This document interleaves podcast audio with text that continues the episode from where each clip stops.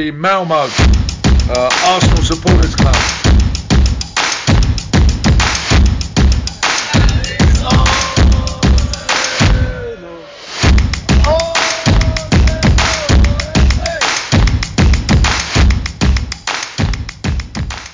Då hälsar jag varmt välkomna till Arsenal Malmös podcast med mig Niklas Lindblad och Mig, Rickard Henriksson. härligt kul att vi har er med. Vi tänkte försöka sammanfatta säsongen i, eh, i dagens eh, podd här så att det kommer att bli spelarbetyg och lite eh, om värvningarna, vilka som har varit bra, och vilka som har varit mindre bra och lite vad vi minns utav säsongen.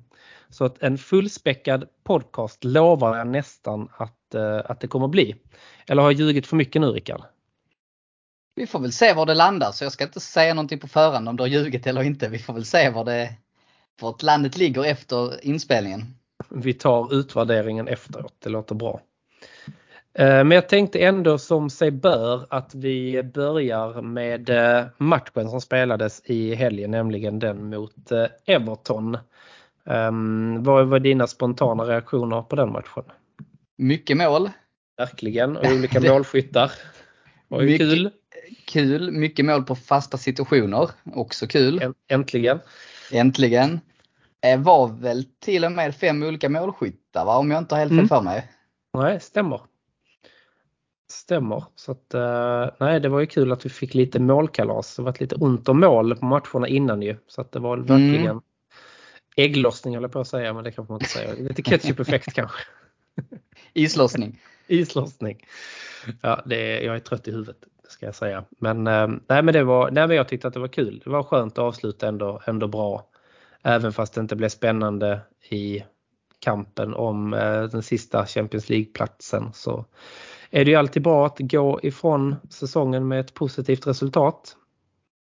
Men så är det och vi visste ju på förhand att det var i princip omöjligt att de skulle inte, eller att de skulle förlora mot Norwich. Det fanns inte på världskartan så jag var ju ganska inställd före matchen på att vi, jag trodde vi skulle vinna men det kommer inte att spela någon roll och så blev det ju tyvärr. Ja, verkligen eh, blev det ju så. Så det var ju mer spännande i kampen om nedflyttningsplatserna och, eh, och om ligatiteln. Faktiskt. Onödigt spännande om ligatiteln tycker jag. Ja verkligen, jag mådde riktigt dåligt. Ja, vi såg ju matchen tillsammans men alltså det var inte kul. Nej det var väl ingen av oss som vi som satt på Drumbo ville ju att Liverpool skulle vinna så vi var väl ganska Nej, glada det är, ju, det det är lite pest eller kolera men man är hellre att uh, City vinner hellre coolare då. Ja precis, ja men verkligen. Så att eh, nej det var skönt att, eh, att City lyckades, eh, lyckades vinna till slut. Det måste vara häftigt att vara City-supporter och vara med om den vändningen där när de ligger under med 2-0. Och Verkligen, häftigt att vara Leeds-supporter också med tanke på att de avgjorde ganska sent också för att klara sitt. Precis, kontrakt. nu vet jag inte, jag var ju fullt fokuserad på vår match och jag har inte sett några highlights eller så i efterhand men det verkar ju som det har varit intensivt och det känns lite som att City, ja men typ de börjar med handbromsen och sen bara, ja men grabbar nu, nu kör vi och så avgör de. Ja, jo men det kändes lite så att de bara, nej men herregud vi skulle ju vinna idag. Vi hade lite glömt bort det och så bara kör man. Men, Men, lite ehm, så. Det är ju jätte, jag tycker det är jättekul i alla fall att Premier League varade, alltså med ganska mycket grejer. Så var det, var, var det du som sa innan matchen att typ 19 utav lagen kunde få en ny placering efter eh, sista omgången? Ja, det var inte jag men jag satt Nej. bredvid när eh, den personen som berättade för dig, jag kommer inte heller ihåg vem det var men jag Nej. hörde det också samtidigt. Ja, Det var ju intressant. ja faktiskt. Så att, eh, nej men det var kul och det, var ju, det blev ju ganska så tajt i, i botten också. Leeds avgjorde där i slutet för att klara sitt kontrakt på 90 plus 4. Och så blev det då Burnley som åkte Precis. ner. Men det var väl lite dags det- för Burnley. Exakt, jag skulle säga det också. Det är väl rätt gött eller? Burnley är ju ett tradigt lag. Ja, det är de faktiskt. Jag, så, alltså rent så traditionsmässigt i min värld i alla fall så tycker jag att det är roligare att Leeds håller sig kvar. Uh, än Burnley. Ja, men jag håller med. De förtjänar det lite mer. De är ju en större klubb än Burnley. Ja, men eh, det målet som han gör i slutet är nog värt x antal miljoner. Men de hade nog klarat sig på kryss också tror jag i och för sig. Men det är väl alltid skönt att vinna och bara sätta spiken i kistan som de gjorde på slutet. Ah, jo hade de det. Var det inte en poäng bara som skilde. Ja, jag kan ha fel, jag ska inte säga hundra, Ja. men jag tror nog de behövde vinna faktiskt. Ja, ja det, var, det är kul med sena avgöranden i alla fall. Ja, Så att- absolut. Leeds höll sig kvar så att det var ju tack och goodbye till Norwich, Watford och Burnley då som inte spelar i Premier League Precis. nästa år. Så Alltså jag se. såg ju på Twitter en Liverpool-supporter som skrev så här. Så här nära har något lag aldrig vunnit och vinna en titel. Nej. Bara, eh, hur tänkte du nu?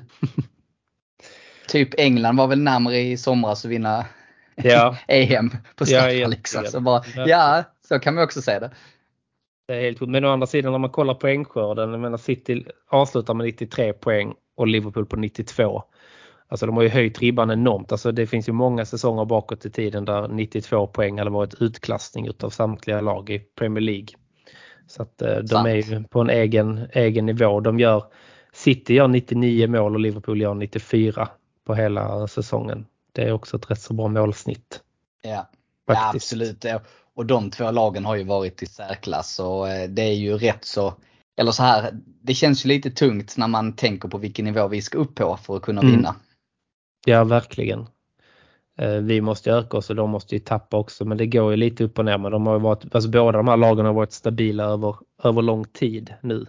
Men det kommer ju alltid ett litet down. Det gör det ju. Mm. Så att, men ja, det var spännande. Väl lite, lite också där om United skulle bli klara för Europa League eller Conference League. Det var inte helt klart heller förrän mot slutet av matchen där. Och de låg de- väl under rätt länge, gjorde de inte det? Jo, jag tror, eh, jo det gjorde de och så ledde ju West Ham. eh, Just det. till slut. Så att eh, nej den var ju eller vänta United, jo nej, men de förlorade ju till och med. Men sen var det väl att West Ham misslyckades med en ledning så att United går alltså, även om de förlorar sista matchen mot Crystal Palace så går de ändå vidare. Jaha, det var så det var. Okej. Ja, så att det är West Ham som inte fullföljer där riktigt.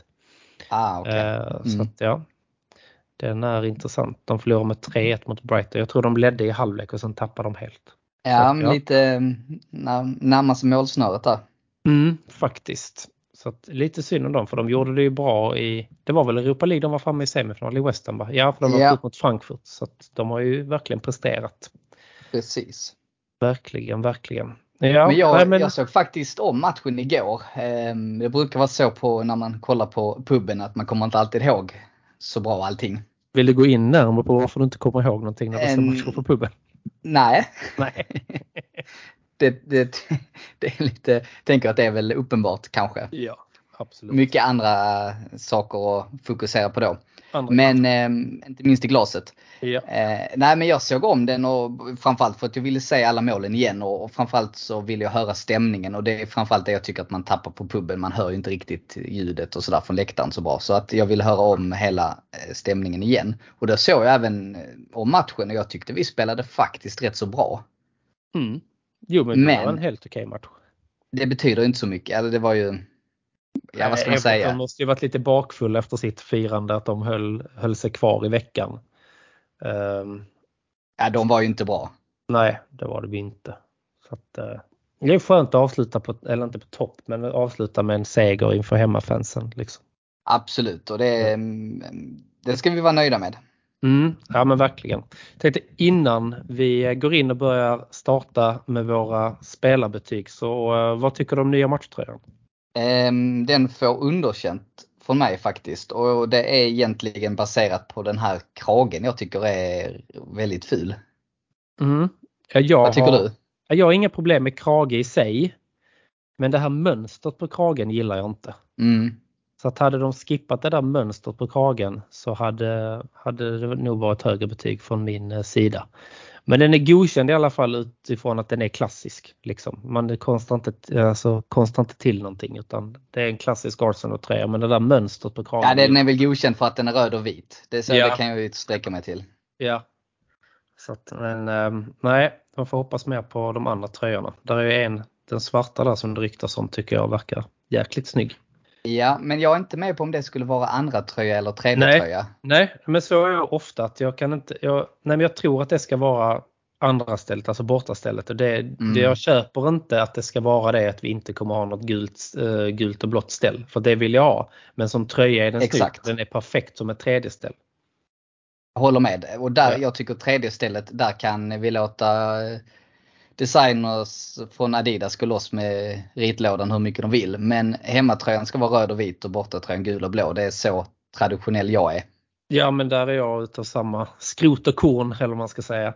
Så att eh, absolut. Men vi får se. Där kommer väl några här nu med två veckors mellanrum.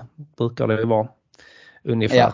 Så att eh, det blir eh, spännande att se vad det blir. Även om det alltid läcker ut ganska mycket. Så är man ganska säker på vilka det blir. Men jag, som sagt jag är lite osäker på om det kommer vara andra eller tredje tröja. Precis som du.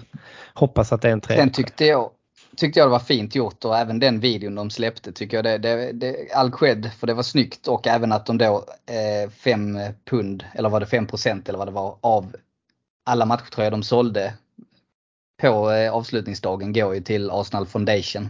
Mm, jag tror till och med var alla som man köper direkt via, alltså i klubbshopparna eller typ på Armory och om man köper det via hemsidan så går 5 pund dit tror jag hela tiden. Så jag tror inte det faktiskt att det bara var den dagen. Men jag kan ha fel. Men, Jag eh, tror det var fram till och med i söndags faktiskt. Snålt, snålt. Ja. ja, det är för jävla dåligt. Ja, faktiskt alltså. Jag hade kunnat göra nytta av de pengarna. Men eh, ja, nej men snyggt i alla fall. Bra, eh, nej men bra, vad ska man säga, promotion för tröjan. Men det är de rätt duktiga på, tycker jag. Ja det är de. Då hade de ju även, var det två säsonger sedan, den här vita med lite blodröd. Då hade de också en grym promotion-video. Ja men det var ju från, från marmorgolvet inne på, Ja. eh, inne på Highbury. Eh, för att, så den var riktigt snygg den också. Den var bra gjord. Eh, videon alltså. Så det kan de. Mm, verkligen. Stor applåd till eh, Adidas och Arsenal där.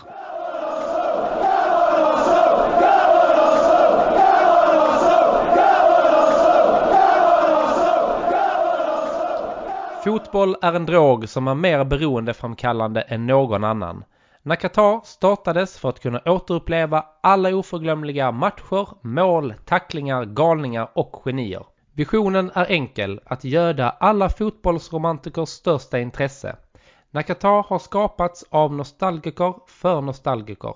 För oss Gooners har Nakatar kläder med prints av legender som Wenger, Bergkamp, Henry och Vieira. Just nu får ni 15% rabatt med koden GUNNER15 så gå in på nakatar.se och gör er beställning redan idag.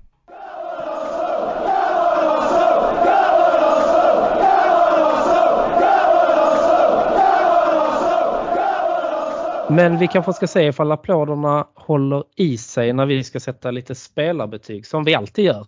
eh, Ja, det har blivit en liten tradition. Precis, vid den här tiden på året. Eh, och vi har ju en skala som är 1 till 5. Vi kommer gå igenom hela truppen. Får man en etta så innebär det i våran bok att man är underkänd. Får man en tvåa så innebär det att man är godkänd. En trea, då har man spelat bra. Fyra har man spelat mycket bra och får man en femma så är det världsklass. Det är det poängsystemet vi jobbar ut efter.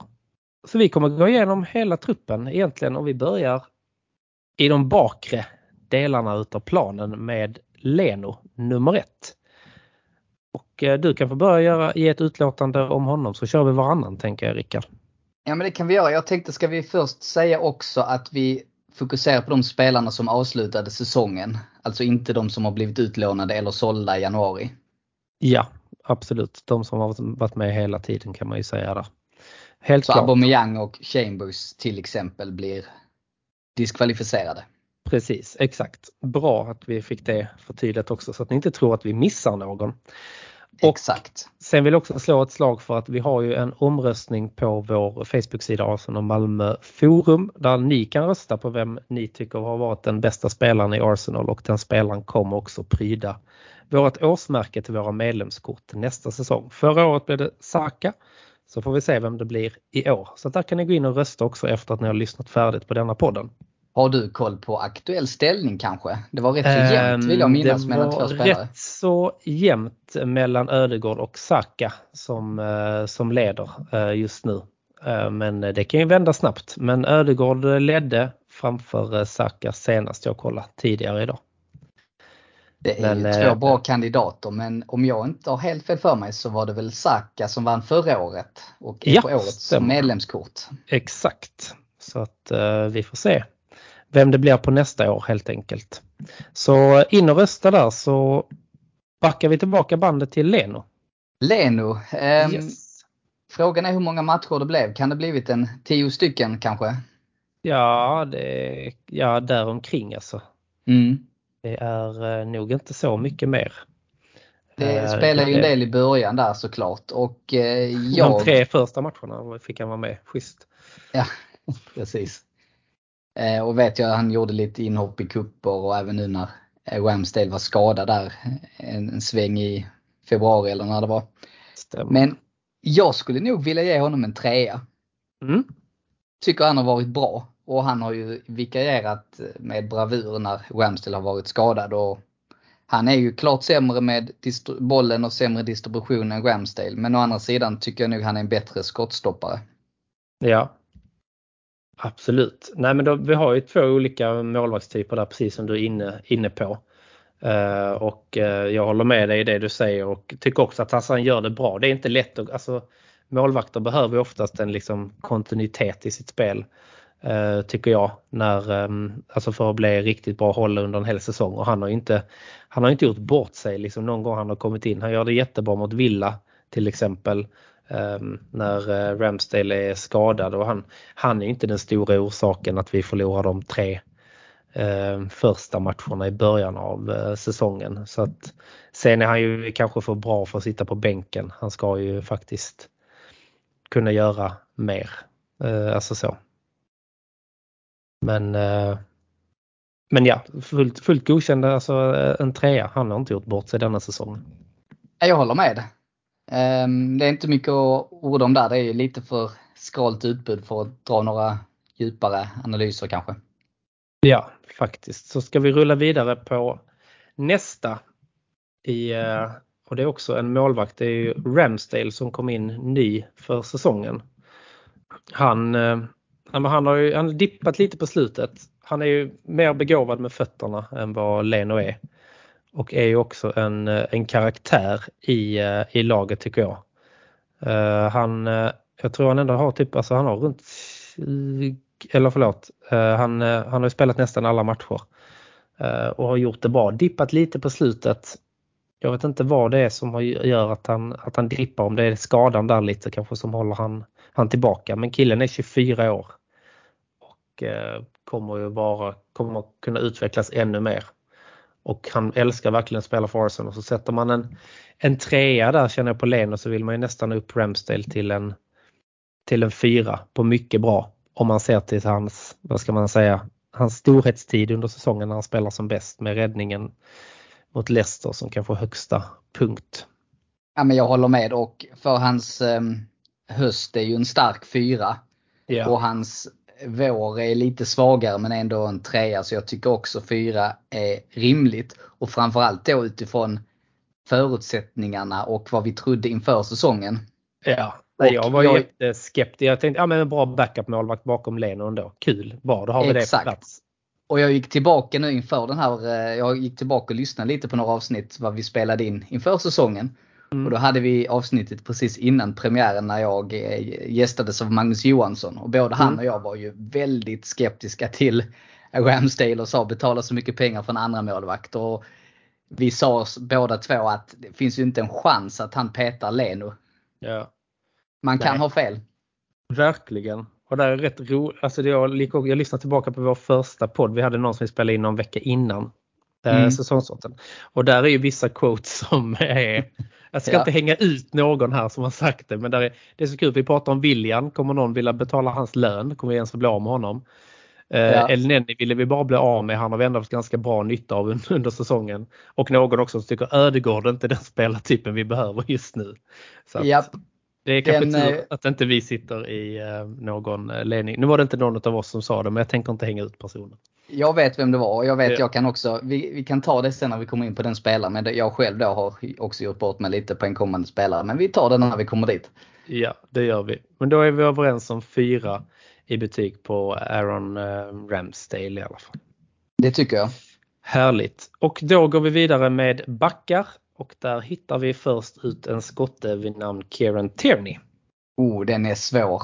Um, det är inte svårt för när han väl spelar så tycker jag det är en fyra utan, utan tvekan. Men det är ju det här med skadebekymmerna som gör att, ja, jag vet inte, kan man sätta en fyra på honom när han har varit skadad så pass mycket? Nu vill jag minnas att han har spelat lite mer denna säsongen. Det känns så i alla fall.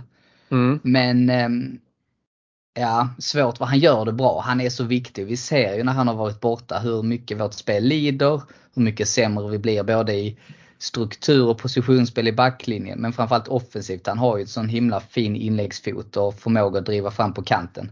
Mm. Så jag vill nog ändå ge honom en fyra.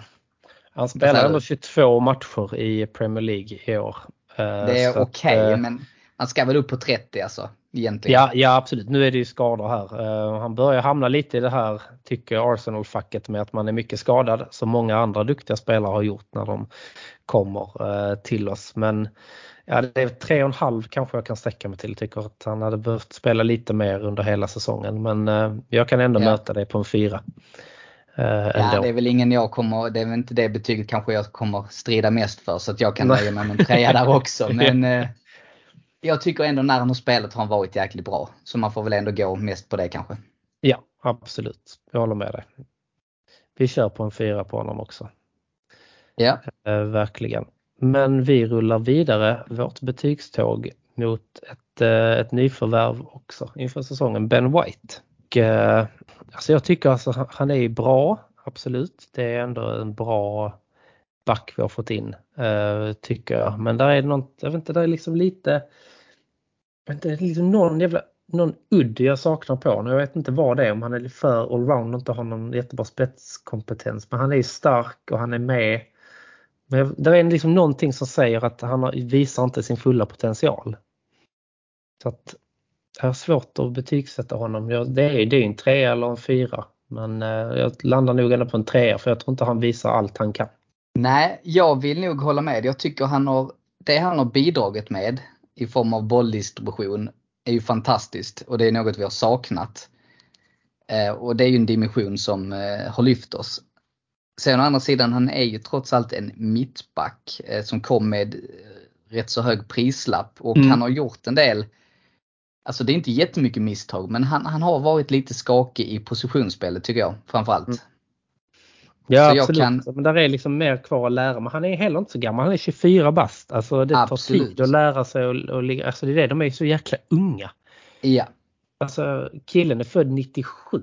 Då gick jag på mellanstadiet. Hallå! Ja, exakt. Så det är liksom den eh, nivån. Det är också hur mycket man kan kräva. Vi kan kräva mycket av spelarna, det tycker jag vi ska göra för de är ändå liksom, spelar ändå i Arsenal.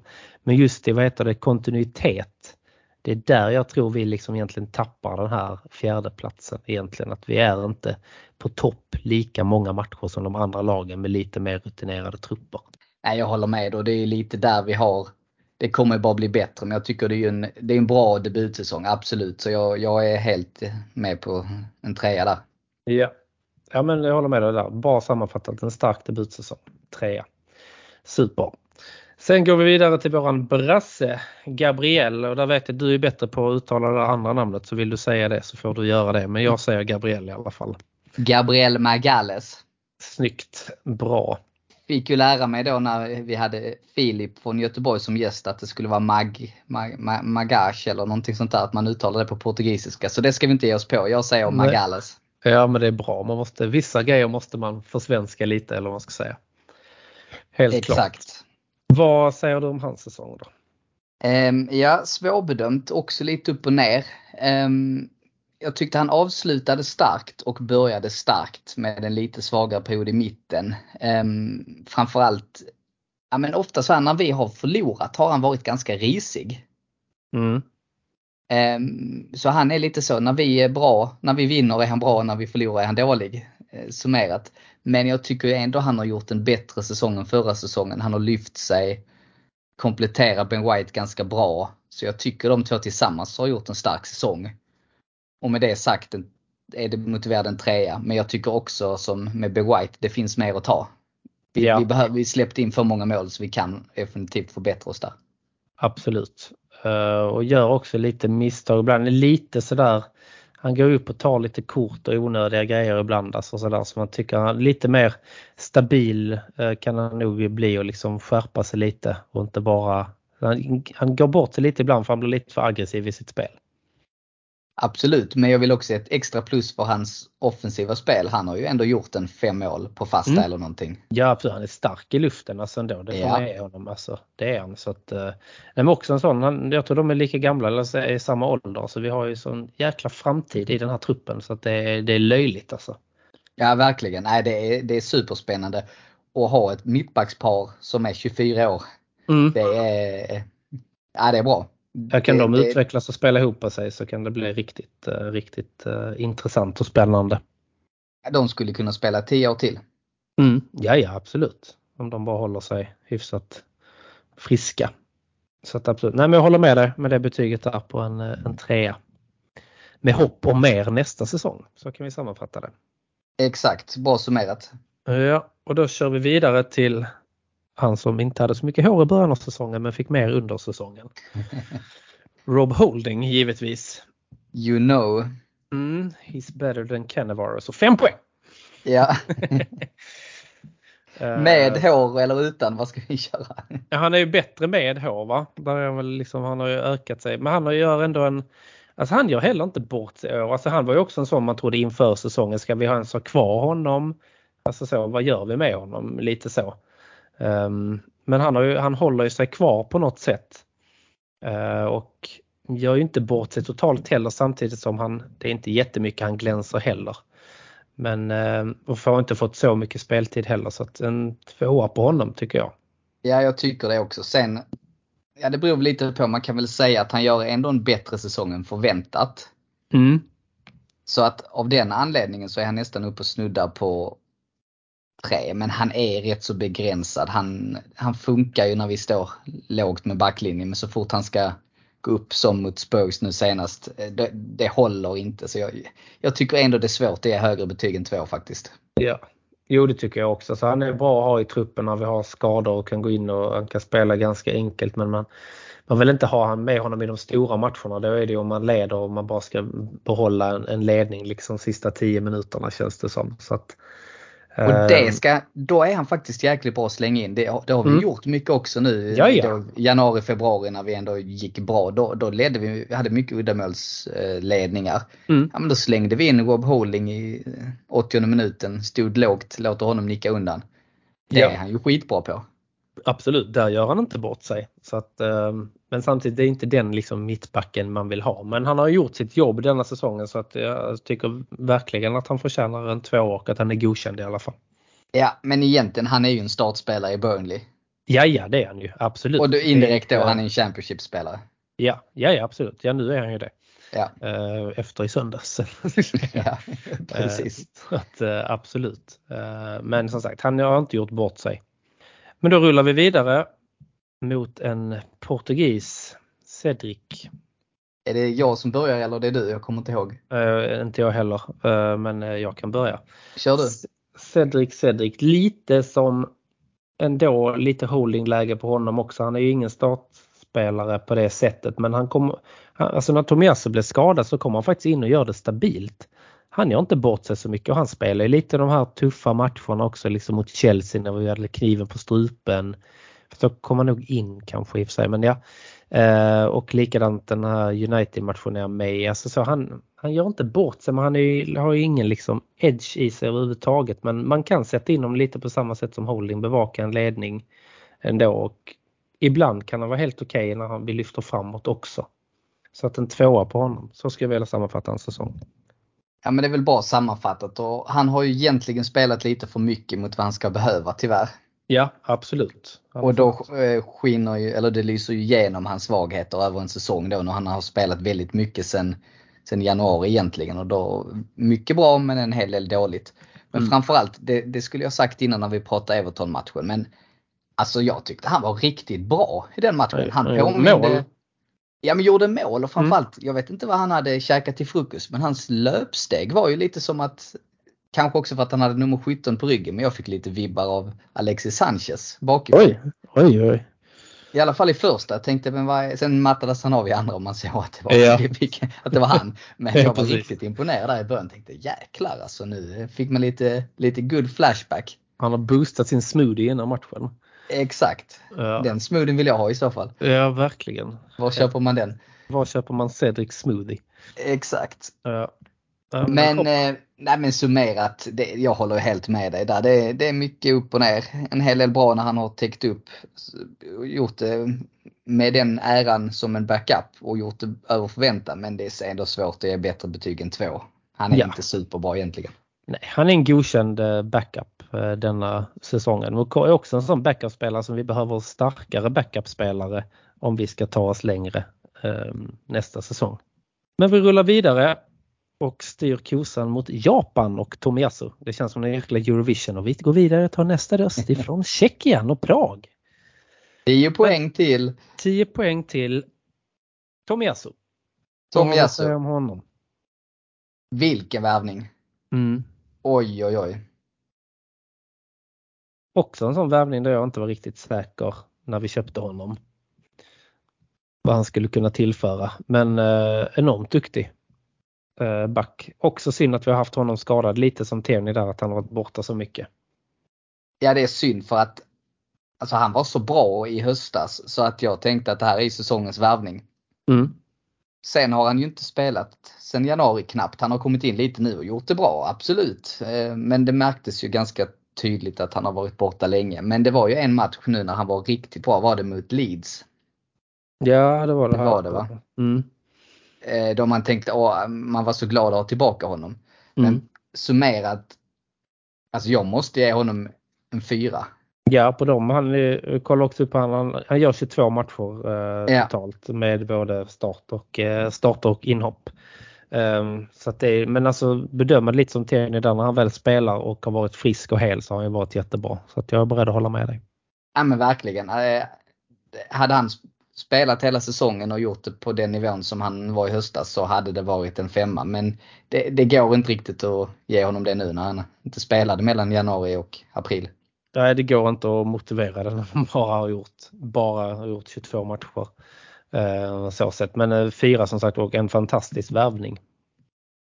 Verkligen. Ä- ehm, Ja, ja, vi kommer väl in på det sen men det är ju, han är en bra kandidat till eh, årets värvning. Definitivt. Absolut, absolut. Där är många faktiskt.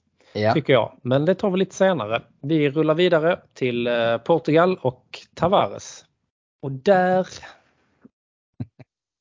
Alltså... Ja, du skrattar, jag förstår varför. Alltså där är också en spelare, nu är han, han är ju jätteung men alltså han är ju inte... Alltså man märker när man släcker slä, alltså slänger in honom, alltså han tar ju, alltså det är ju mycket individuella misstag på honom alltså. Ja, där och det var, är, alltså han känns liksom inte färdig för att spela A-lagsfotboll i Arsenal. Överhuvudtaget. nej. Och frågan är om han kommer att bli det, jag vet inte. Men det var det jag skulle säga också där i det sommaravsnittet så hyllade jag ju hon, den värvningen väldigt mycket och tyckte det var en väldigt klok värvning. Vi behövde en backup för den summan. Men eh, det får man äta upp. Mm. Ja, och jag tror det har, det är nog någonting liksom med alltså att han inte är men han är inte klar, han kan säkert bli det. Alltså så, men där, alltså här är det nog en av få ändå som snuddar på en etta. Faktiskt. Tycker jag i alla fall. Ja, jag tycker det är lite hårt för han var rätt så bra i höstas och han var, han var rätt bra igår också. Även nu sista matcherna har gjort det helt okej. Även mot Newcastle. Men Alltså det är hans defensiv. Där går han ju bort sig. Alltså offensiven är ju jättebra. han är ju ändå en back. Liksom. Ja. Ja, det är sant. Det är, där, det är där jag landar liksom i mitt resonemang. Att det är lite som att en anfallare skulle vara bra på att rensa. Ja. är det det man vill ha? Liksom? är bra, bra på defensiva hörnor och nicka bort. Ja, precis. Lite så. Men ehm, ja, nej, men det kan vara lite hårt med tanke på att det är hans första säsong också i Premier League. Han har ju inte spelat jätte, jättemycket ändå, men ja, där är, där är mer att få ut. Eller jag hoppas att det är mer att få ut från honom. Men ehm, Ja, ja, vi får väl jag se. kan vara lite... snäll och möta dig på en svag tvåa. Ja, jag tycker nästan det är svagt tvåa. Ehm, kanske på gränsen till etta. Ja, vi kan fundera, vi kan sätta det lite som mittemellan. Men eh, framförallt är det lite så, jag, jag är väldigt kluven till vad ska vi göra framåt Mm. med honom. Ehm, det är ju uppenbart att Tony kommer vara borta en del och det ryktas Mm. om en ny ytterback in som kan spela både höger och vänsterback. Ja, det är kanske klokt för då, eftersom vi behöver en bra backup på båda dem har, har vi då en spelare som kan spela både höger och vänster. Då räcker det. Då kanske vi till och med kan låna ut Tavares en säsong för jag tror det är det han behöver. Ja och så behålla Ced- Cedric i så fall som en truppspelare som ändå kan gå in och göra det ganska bra. Har en liten annan rutin. Lite högre lägstanivå på Cedric också. Exakt och ha honom som alltså egentligen tredje val på både höger och vänsterback. Mm, Det faktiskt. skulle ju faktiskt funka rätt bra. Mm, absolut. Vi får hoppas att det blir så när vi lämnar försvaret och går över till våra mittfältare. Ja, Och där är först ut Partey. trevligt. Mm. Ehm, Det är en fantastisk, spelare som du gillar så du får börja där. ja, fantastisk säsong. Eh, han, han är så bra. Och det märks ju så tydligt när han är borta är vi inte bra. Och jag säger egentligen äntligen har det lossnat. För hans första säsong var ju inte så bra. Eller det, vi, vi trodde ju mer. Mm. Nu, framförallt sen oktober eller november och framåt så visade han vilken fantastisk spelare det är. Och jag skulle säga att det är den bästa mittfältaren vi har haft i truppen sen Gilbert och Vieras dagar. Ja det är det nog faktiskt. Alltså när han presterar som han gör där så absolut. Så att det känns, ja men det är lite, lite som du säger, alltså det, har, det, det har lossnat för honom liksom. Så att um, sen är det ju synd att han går sönder. Ja.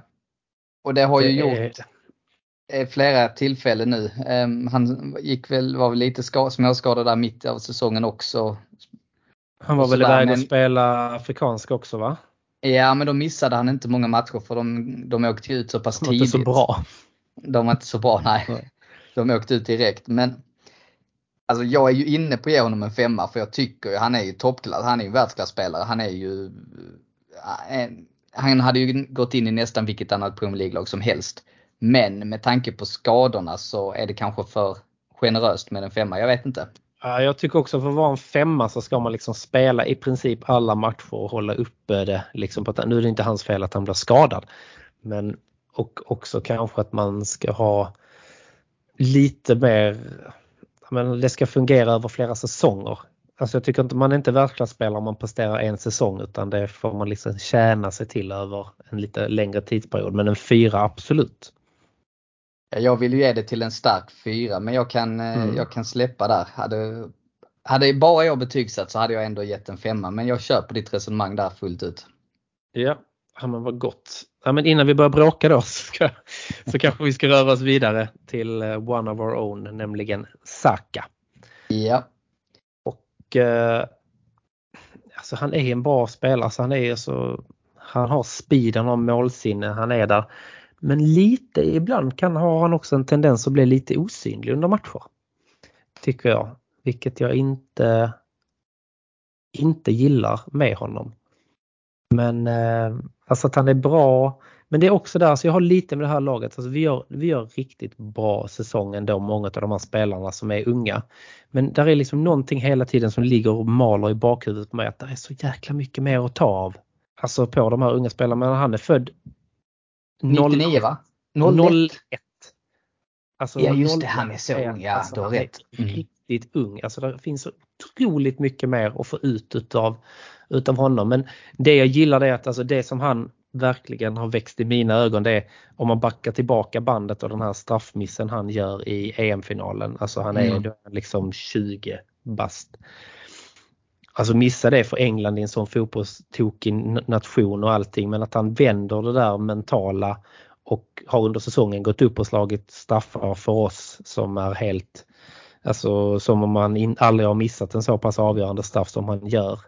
Tyder ändå på att den här killen har ett jäkla psyke och med det kan man gå riktigt långt på eh, fotbollsplanen. Så att jag är nog ändå beredd att ge honom en fyra. Eller en stark trea.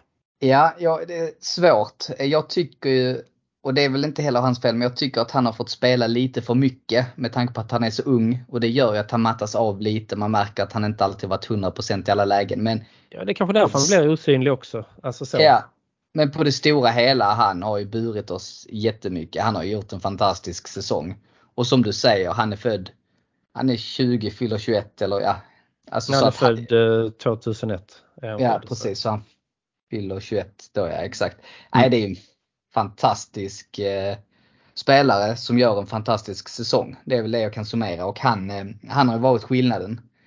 Utan honom hade vi ju inte varit uppe och nosat på Champions League, så mycket kan jag säga.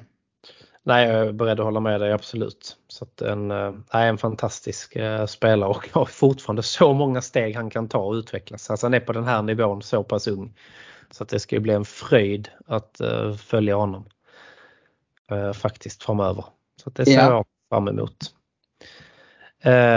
och nu går vi vidare till... Jag, vet, jag tänkte bara ja, summera där om Saka. Att jag hoppas ju att Arteta matchar honom lite mer försiktigt, lite smartare nästa säsong. Kanske låter honom stå över några matcher och sådär för att han ska hålla och vara, inte få de här vad ska man säga, belastningsskadorna utan vi matchar honom lite smartare. Jag förstår att Arteta vill spela honom, det har varit nästan nödvändigt men lite smartare matchcoachning från honom där så tror jag vi får ut ännu mer av honom. Mm, det tror jag också. Sen måste vi ha en, liksom en lite större bredd i truppen inför nästa säsong också när Europaspel och sånt knackar på dörren också för att kunna snurra runt. Ja. Eh, men jag håller med dig nog match. Jag tror vi hade lite den här diskussionen om Smith Rowe förra säsongen också när han matchades väldigt hårt och blev också skadad och blev liksom lite Nej men alltså hårt matchande det tåler inte de här riktigt än heller så att man måste vara lite smart precis som du säger.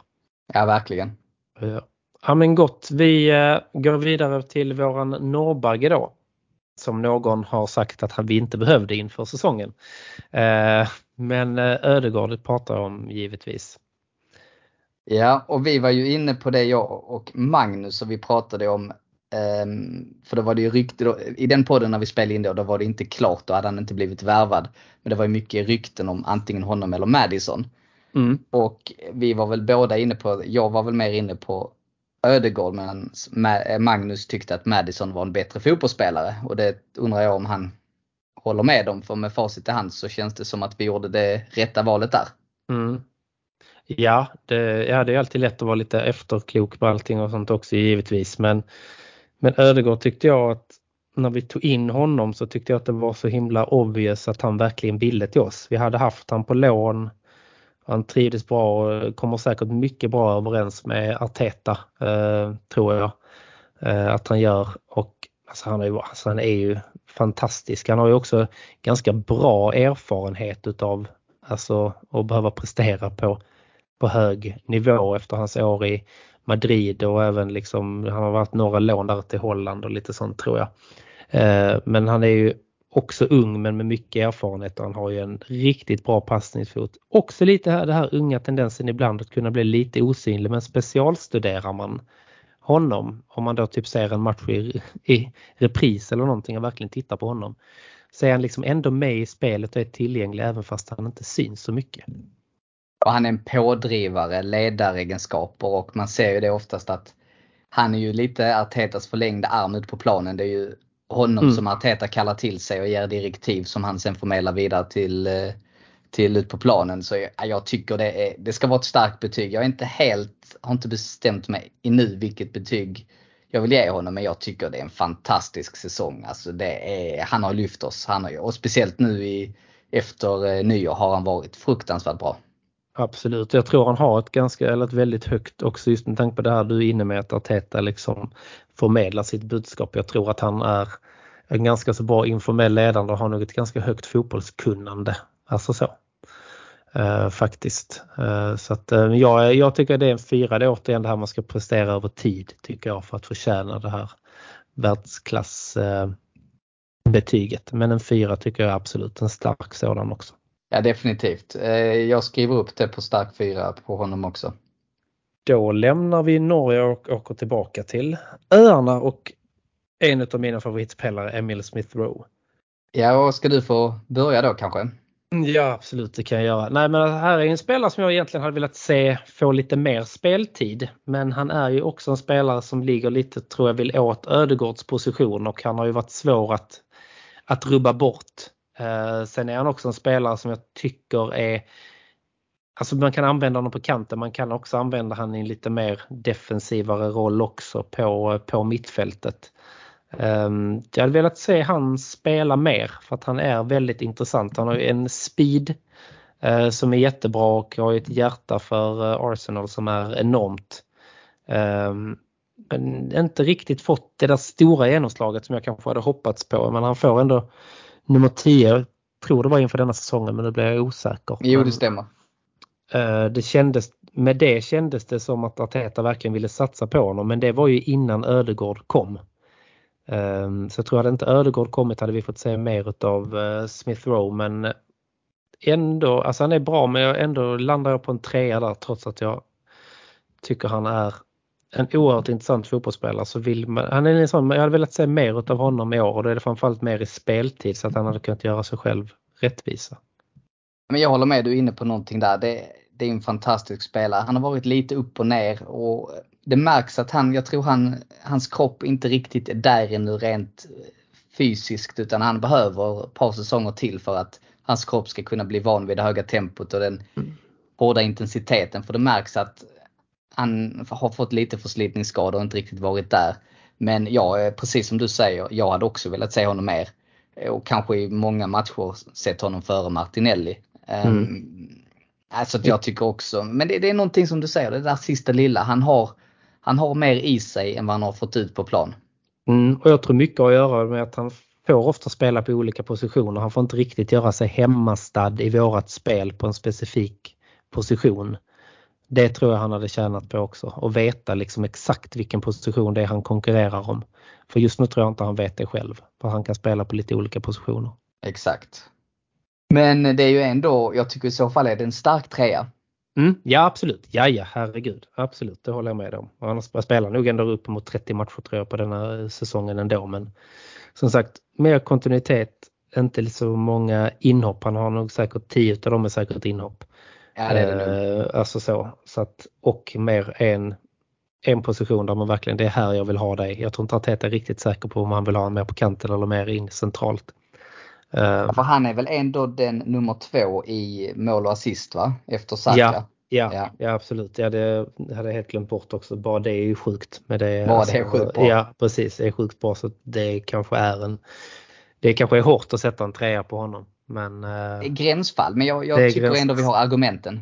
Ja, absolut. Men uh, som sagt, han har ju presterat mycket. Och han älskar ju att spela för Arsenal. Ja. Och vi älskar honom. Absolut, det gör vi verkligen. Framförallt det jag gillar som han är unik i vår trupp, det är det här, hans förmåga att driva med bollen och tänka framåt. Mm. Inte det här kanske stanna upp när han får bollen och sen tänka vad man ska göra. Han har redan en klar tanke, bollen ska framåt. Och sen mm. är han eh, riktigt bra på avslut. Så jag hoppas att han till nästa säsong att han får lite fler lägen för han är, han är riktigt kylig med sina avslut. Absolut. Drar de mycket drar nästan alltid skotten på mål mm. och drar dem mycket längs med eh, marken så att det är svårt för målvakten att stoppa dem. Så ja, där, är, där finns mer att ta av. Absolut, det gör det verkligen. Så att, ja, det är också en sån som ska bli otroligt intressant att följa framöver. Men vi rör oss vidare till Lokonga. Lokonga. Personlig favorit eller? Vad sa du? Personlig favorit eller? Nej, det ska man väl inte säga, men jag tyckte det var en väldigt klok värvning att göra. Och det står jag fast vid att det var eh, klok värvning för vi behövde föryngra mittfältet där och ha en talang som kommer igång. Jag tyckte han började väldigt lovande men sen nu på slutet har han ju knappt fått spela.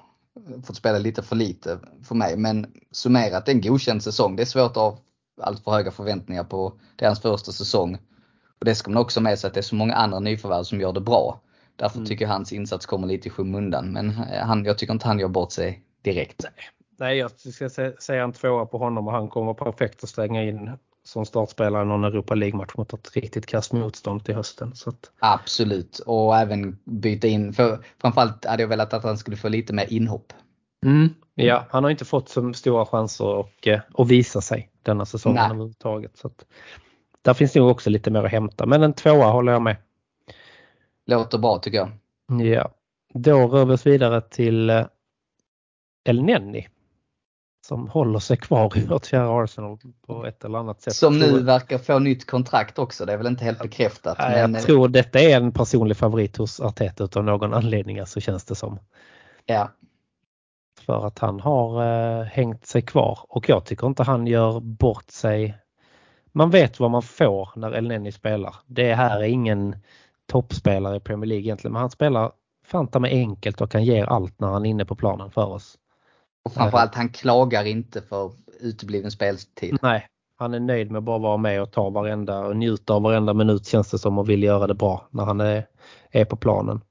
Och det sägs ju att, det var väl om det var hans agent som hade sagt det, att när han var ute på lån, var det förra säsongen, nej förrförra var han ute på lån till, var det Besiktas, Besiktas eller någonting i Turkiet. Ja. Mm. Och när han kom tillbaka hade han fått beskedet han, via hans agent då att nej, Arsenal tror inte på dig, du ingår inte i Artetas planer. Eh, och då hade han sagt okej, okay, men, men du kan få komma och vara med på försäsongen. Och då hade han gjort det och, och på försäsongen så hade Arteta ändrat sig och sagt tillbaka mm. okej okay, jag, har, jag har eh, ändrat mig om dig. Du, du ingår i mina planer. Jag ser en roll för dig som en viktig truppspelare. Ja det är grymt. Det visar också på en jäkla men vilja att visa sig. Alltså, nej, men, ja, ni kan säga att jag inte är välkommen här men jag ska liksom fan bevisa för att jag, jag ska vara kvar här för det är det jag vill. Exakt och det tycker jag säger lite om honom som person eh, och hans mentalitet. Sen å andra sidan, sen som fotbollsspelare är han ju ganska begränsad. Mm. Så jag har även om han har kommit in och framförallt det, är en spelare också nyttig att slänga in i slutet när vi ska stänga matcherna och även kanske mot han har gjort sina bästa matcher mot eh, topplagen. Han var jättebra mm. mot Chelsea, United bland annat. Men jag har ändå svårt att ge honom högre betyg än två. Ja, samma här. Men som sagt, jag tycker alltså ha med honom i truppen alltså, bidrar ändå med lite erfarenhet. Um, och just den här viljan att att, nej men alltså jag tror han är väldigt bra att ha i laget. Jag kan, han stöttar säkert många unga som har en dålig period till exempel. Eh, skulle jag kunna tänka mig. Och, så jag tror han bidrar med mycket som inte går att mäta alltså i resultat utan mer andra mjuka värden eller vad man ska säga. Jag håller med. Eh, bra summerat. Gött, då kör vi vidare på Granit Xhaka. Ja, en spelare som har fått så fruktansvärt mycket skit genom åren.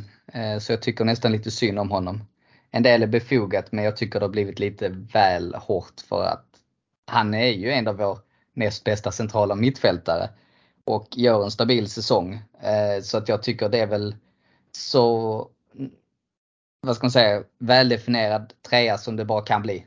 Han mm. gör en bra säsong, varken mer eller mindre. Jag håller med och alltså just som du säger också att han har fått ta enormt mycket skit genom åren och som sagt mycket befogat också. Um, verkligen, men han känns som han har hamnat i lite någon, han har väl något rött kort där i höstat men sen har han ändå hållit sig ganska alltså, alltså rent psykiskt har han ändå hållit, uh, hållit sig liksom. Uh, ja, och, sen... och visar, han kan också dirigera lite. Han går ner och gör jobbet. Behöver vi sätta honom som vänsterback i slutet på någon match, då går han ner och gör det. Och han manar på och liksom, alltså så, så att han har, han har nog kommit mer till rätta i det mentala och han gör alltså, alltså verkligen en trea i, eh, i, eh, i säsongsbetyg. Eh, så att, och han vet också vad det krävs vad Arsenal vill ha ut. Han vet hur det är att, att spela för oss och lärt sig väl den hårda vägen vad vi supportrar vill hur en Arsenal-spelare ska bete sig också. Jag vet inte hur många säsonger han är uppe i nu men det är ju en del. Så att, det är lika bra. många säsonger vi har varit utan Champions League i alla fall. Mm, jag behöver inte nämna den. Nej. Men det jag skulle säga också är att Ja, han har ju fått mindre röda kort nu men sen, framförallt så tycker jag att han har inte gjort de här idiotgrejerna utan han blir ju väldigt hårt dömd bara för att det är Granit Xhaka. Han får väldigt många tveksamma gula kort som jag tycker är tveksamma bara för att han har ett taskigt rykte. Absolut, visst är det så. Så att eh, nej, han eh, men som sagt, det känns ändå bättre. Ja, och han har, han har varit bra. Det är en bra säsong. Och speciellt nu när Partey har varit skadad så tycker jag han har klivit upp. Och framförallt de två tillsammans då, det, då är det ett bra mittfält. Absolut, absolut. Fullt stabilt. Så Men med att, det eh, sagt, han är egentligen inte en startspelare i topp 4-lag skulle jag säga. Utan han är en väldigt bra truppspelare, har som tredje alternativ. Så med det sagt tycker jag ändå att där bör, bör vi uppgradera oss till nästa säsong. Ja, alltså han är väldigt liksom så allround men han har inga sådär liksom alltså yttersta kvaliteter på det sättet så att vi ska definitivt uppgradera oss men alltså ha kvar honom i truppen det tror jag, tror jag ändå är bra. Ja.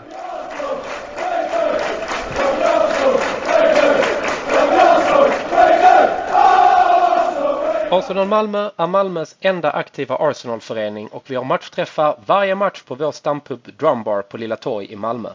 För endast 100 kronor för ett medlemskap får du fina rabatter i baren samt får ta del av våra medlemsaktiviteter under året samt en rad andra medlemsförmåner. Gå in på arsenalmalmo.se för att läsa mer om hur du blir medlem. Missa inte heller att följa oss i sociala medier. På Facebook heter vi Arsenal Malmö, på Instagram heter vi arsenal.malmo och på Twitter heter vi Arsenal Malmö. Välkomna till Arsenal Malmö!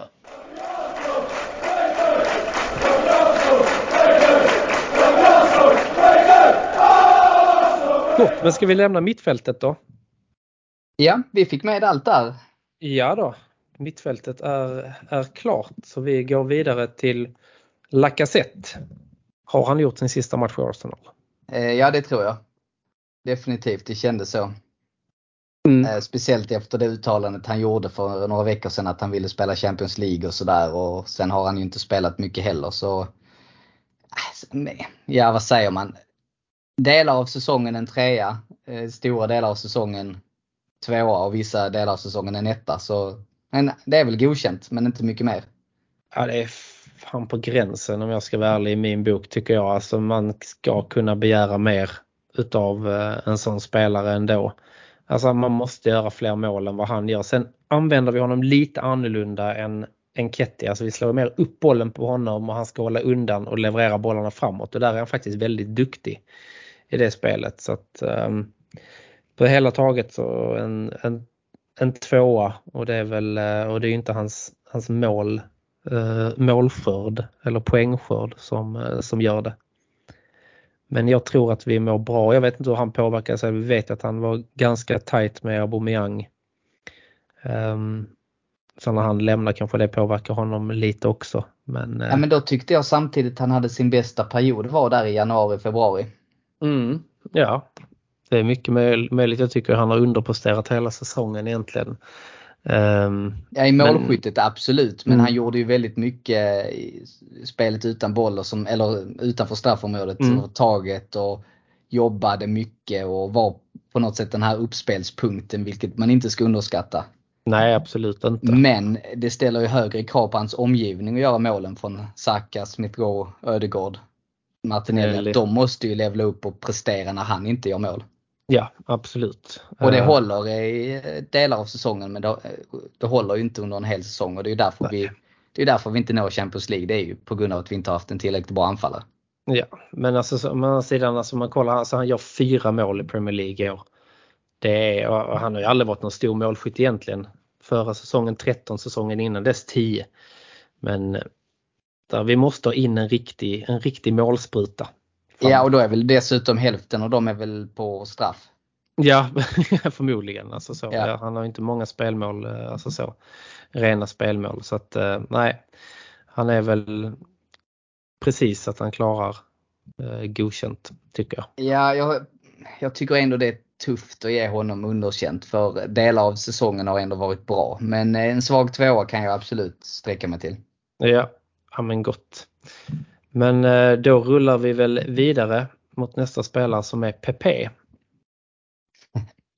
Ja, det är väl bara att ge honom underkänt direkt eller?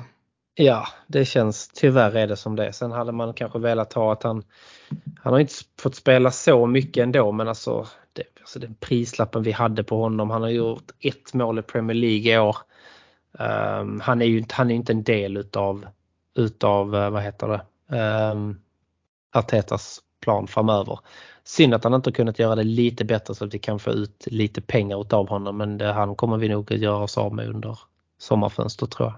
Det tror jag också, tyvärr ganska billigt för sen mm. är det ju en sak att fine att han inte får så mycket speltid men då vill jag ju säga att man knyter näven i fickan och verkligen visar när man väl kommer in. Gör en, en Nenny.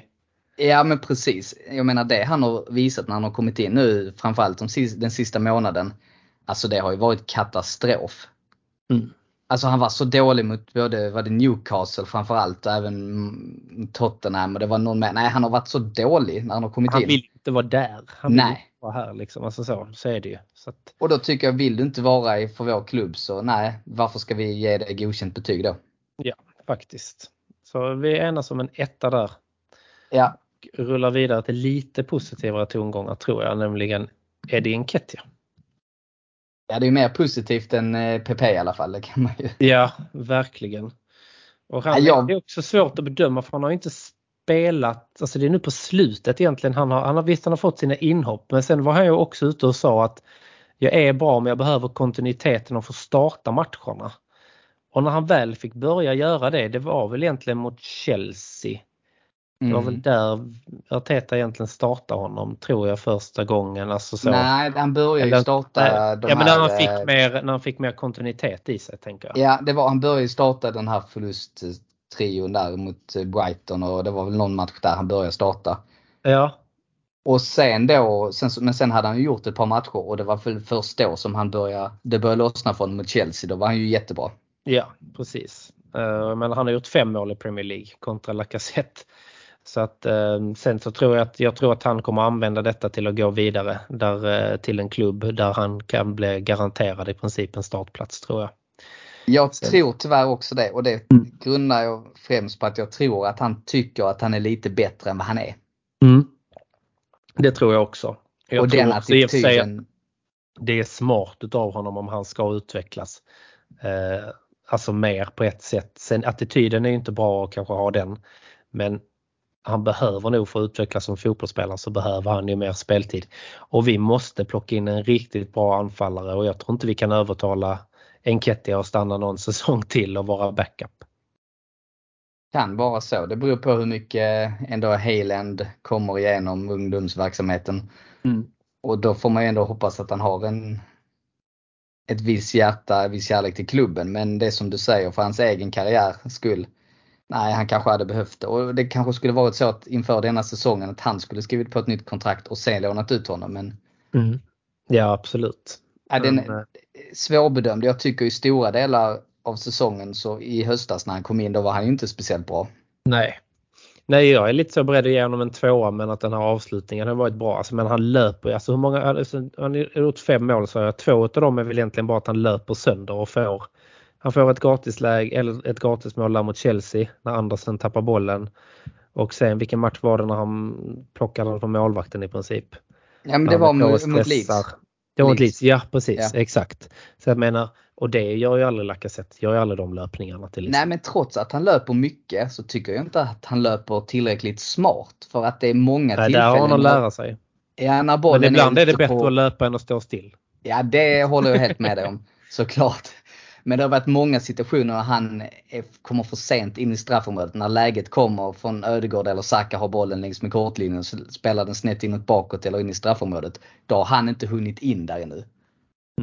Och Absolut. mycket att han kommer ut på kanten sådär. Jag menar, ja, men central striker, då vill jag ha dem mycket mer i straffområdet. Så oavsett, ja, jag är inte övertygad om att vi ens ska satsa på honom. Utan, men å andra sidan, det, det kostar ju rätt mycket att värva in två spelare också. Så Mm. ja, kluven där. Ja, där får man nog höra snacket eller ta något snack med honom där och se hur motiverad han är att stanna för att Ja. vara backup. Ja, för hans kontrakt går ju ut nu sist i juni. Så att Ja, det gör skriver det, han inte på så kan han ju gå vart han vill. Precis. Ja men gott, då har vi en spelare kvar i betygssättningen i, eh, i år för denna säsongen och det är Martinelli. Martinelli. Eh, också lite skadad under säsongen har han ju varit. Eh, också lite där som vi är inne på, de här unga spelarna försvinner lite ibland. Eh, men har ju ändå en enorm push framåt. Men blir ibland lite för... Eh, han blir lite för mycket brasse ibland. Alltså han gör det lite, han, han gör det lite för svårt för sig själv ibland. Eh, hade också varit intressant att se honom mer i en renodlad anfallsroll. Som jag vet många har varit inne på innan. Hur han hade presterat där. eh, på något sätt. Och det är kanske lite så jag får in Smith Rowe i en startelva genom att Ja. flytta fram Martinelli. Ehm, så det kan vara lite ett önsketänkande från min sida också. Men det är liksom, alltså han är bra när han är bra men försvinner lite ibland också. Gör lite, tappar boll ibland lite för enkelt, gör lite för svårt för sig. En trea skulle jag vilja ge honom. Ja, jag tycker det är bra för att han har hans höjd och hans topp är ju grym. Mm. Speciellt då mot eh, Chelsea bland annat var han ju superbra och sådär. Men det är som du säger, han försvinner lite. Eh, saknar lite den här, alltså vad ska jag säga, den här football brain om hur du ska löpa och hur du ska mm. När du ska slå passningen och när du ska dribbla, den här avvägningen som kommer mycket med rutinen också. Det är klart att en del har, antingen har man det eller har man det inte. Men han har nog ändå tillräckligt mycket för att han ska kunna lära sig det här sista steget. Men, och jag har också varit inne på att kanske det har varit kul att se honom som central striker. Jag har sagt i tidigare poddar att jag tror hans position på sikt är där. Men jag är lite orolig för att om han har det här taget och den här uppspelspunkten som Lacazette är. Han har ju lite utvecklat där också. Mm, ja absolut, det har han. Så att, eh, nej men det är också, det är det som är kul om man ska gå över på någon slags sammanfattning utav den här betygssättningen så är det ändå kul att vi har så många spelare som kan ta några steg till inför ja. Eh, nästa säsong och de är lite i den åldern där man tar det här steget. De ligger liksom, flesta ligger på mellan 20 och 23 år i våran trupp utav de här spelarna så att kan de liksom gemensamt höja sig lite till så, eh, så kan det här ju bli riktigt bra. Och det tar ju tid och vi har en ung trupp. Jag tror vi varit inne på det lite under säsongens gång också att den här kontinuiteten måste komma. Den kommer komma mer och mer för varje år nu att de liksom höjer sin högsta nivå och höjer även sin lägsta nivå. Men jag håller med och det är precis som, som, som du säger och som vi har varit inne på. Det, de här unga spelarna de kommer ju bara bli bättre nästa säsong. Mm. Martinelli är 20 bast, han är född 01 ja. han också. Alltså det är liksom, alltså man, man, glömmer det ibland tycker jag, hur jäkla unga de här är. Absolut. Spännande. Yes. Men du har fört lite anteckningar ju om vad har vi för toppspelare enligt dig och mig? Vad har vi? Ja, vi har ju faktiskt hela, vi har ingen på fem. Det blev Nej. inte så. Däremot så har vi sex stycken spelare på fyra. Mm. Varav två och en halv vi har markerat som stark fyra. Ja, vi fick, var väl inte helt med på vad vi enades om Ödegård, om det var bara fyra eller en stark fyra. Det var nog en stark fyra. Det var en stark fyra mm. och i så fall har vi tre spelare på stark fyra. Då är mm. det Partey, Saka och Ödegård. Mm. Och sen har vi Ramsdale, Tierney och Tomiyasu på fyra. Mm. Det är väl, eh, tror jag att vi kan enas om och jag tror även de flesta håller med om att det är de sex bästa spelarna. Mm, absolut. Det tror jag att vi är många Arsenal-fans världen över som kan enas om absolut. Men om du är tvungen att välja en då? Vem väljer du då? Då väljer jag Partey. Mm. Och vad säger du? Jag säger nog eh, Ödegården då eh, med mm. hans, eh, hans fotbollskunskap rent alltså rent, vad ska man säga, alltså i huvudet. Alltså rent, alltså han har enormt fotbollskunnande, enorm blick för spelet. Eh, har också en bra avslutningsfot och en gudomlig passningsfot. Eh, och eh, jag tror han, är, han kommer nu bli, han kan nu växa in till en kaptensroll och verkligen vara den här Artetas förlängda arm ute på planen. Eh, så att ehm, det är min favorit brukar jag spela lite i den positionen också, det hör säkert ja, ja, okay. Men eh, så är det som man gillar ju de, de spelarna som inte alltid gör målen men som spelar fram och styr spelet Exakt. lite. Och skulle man gått på det så skulle jag ju valt Tomiyasu om man skulle gått på vilken position man själv hade men eh, det är ju historia nu. Du gick inte på någon bänknötare då? nej, nej, nej. jag skojar. Såklart. Ja, men man har alltid en liten förkärlek tror jag till dem, alltså på den positionen man har spelat. Jag har en förkärlek till Ramsdale också, stod mål ett tag också. Ja, ja, okej. Okay. Ehm, så att, så att ja, jag har alltid, är det man ju. Ja, men det är som du säger, en lite, lite extra förkärlek har jag alltid haft till högerbackar, så är det. Mm. Men, men fick Då du kan du och liten... Roland Nilsson åka till uh, Ayia Napa i sommar. Nej, jag skojar. Exakt. Ja, jag, ja. Ta med mig Lee Dixon. Ja, härligt. Bra gäng. Men jag tänkte du fick ju ge lite motivering också. Tänkte jag ska kanske motivera lite kort varför jag valde Partey också om jag får. Kör! Och då är det för att jag tycker att han är den särklass viktigaste spelaren och han är den som det märks mest när han, när han är borta. Och för hans förmåga att diktera, ta kontroll över matchen och styra mittfältet. Snyggt motiverat. Fick jag det sagt också? Mm, verkligen, verkligen snyggt. Härligt. Ja, men tack så mycket Rickard. Det är alltid kul att sätta betyg på våra spelare och diskutera lite hur deras säsonger har varit och vad vi har för förhoppningar inför nästa säsong. Och glöm inte bort att ni som lyssnar, ni kan också gå in på Arsenal Malmö forum och lägga er röst på den ni tycker är säsongens bästa spelare. Eh, jag och Rickard kommer idag tacka för idag. Tack så mycket Rickard. Tack själv. Och sen kommer vi återkomma i en annan podd där vi går mer in på lite mer snack om den gångna säsongen och kanske vad vi har för förhoppningar om transferfönstret under sommaren. Så håll utkik efter den också och glöm inte att gå in på våran Facebook och rösta. Tack för att ni har lyssnat!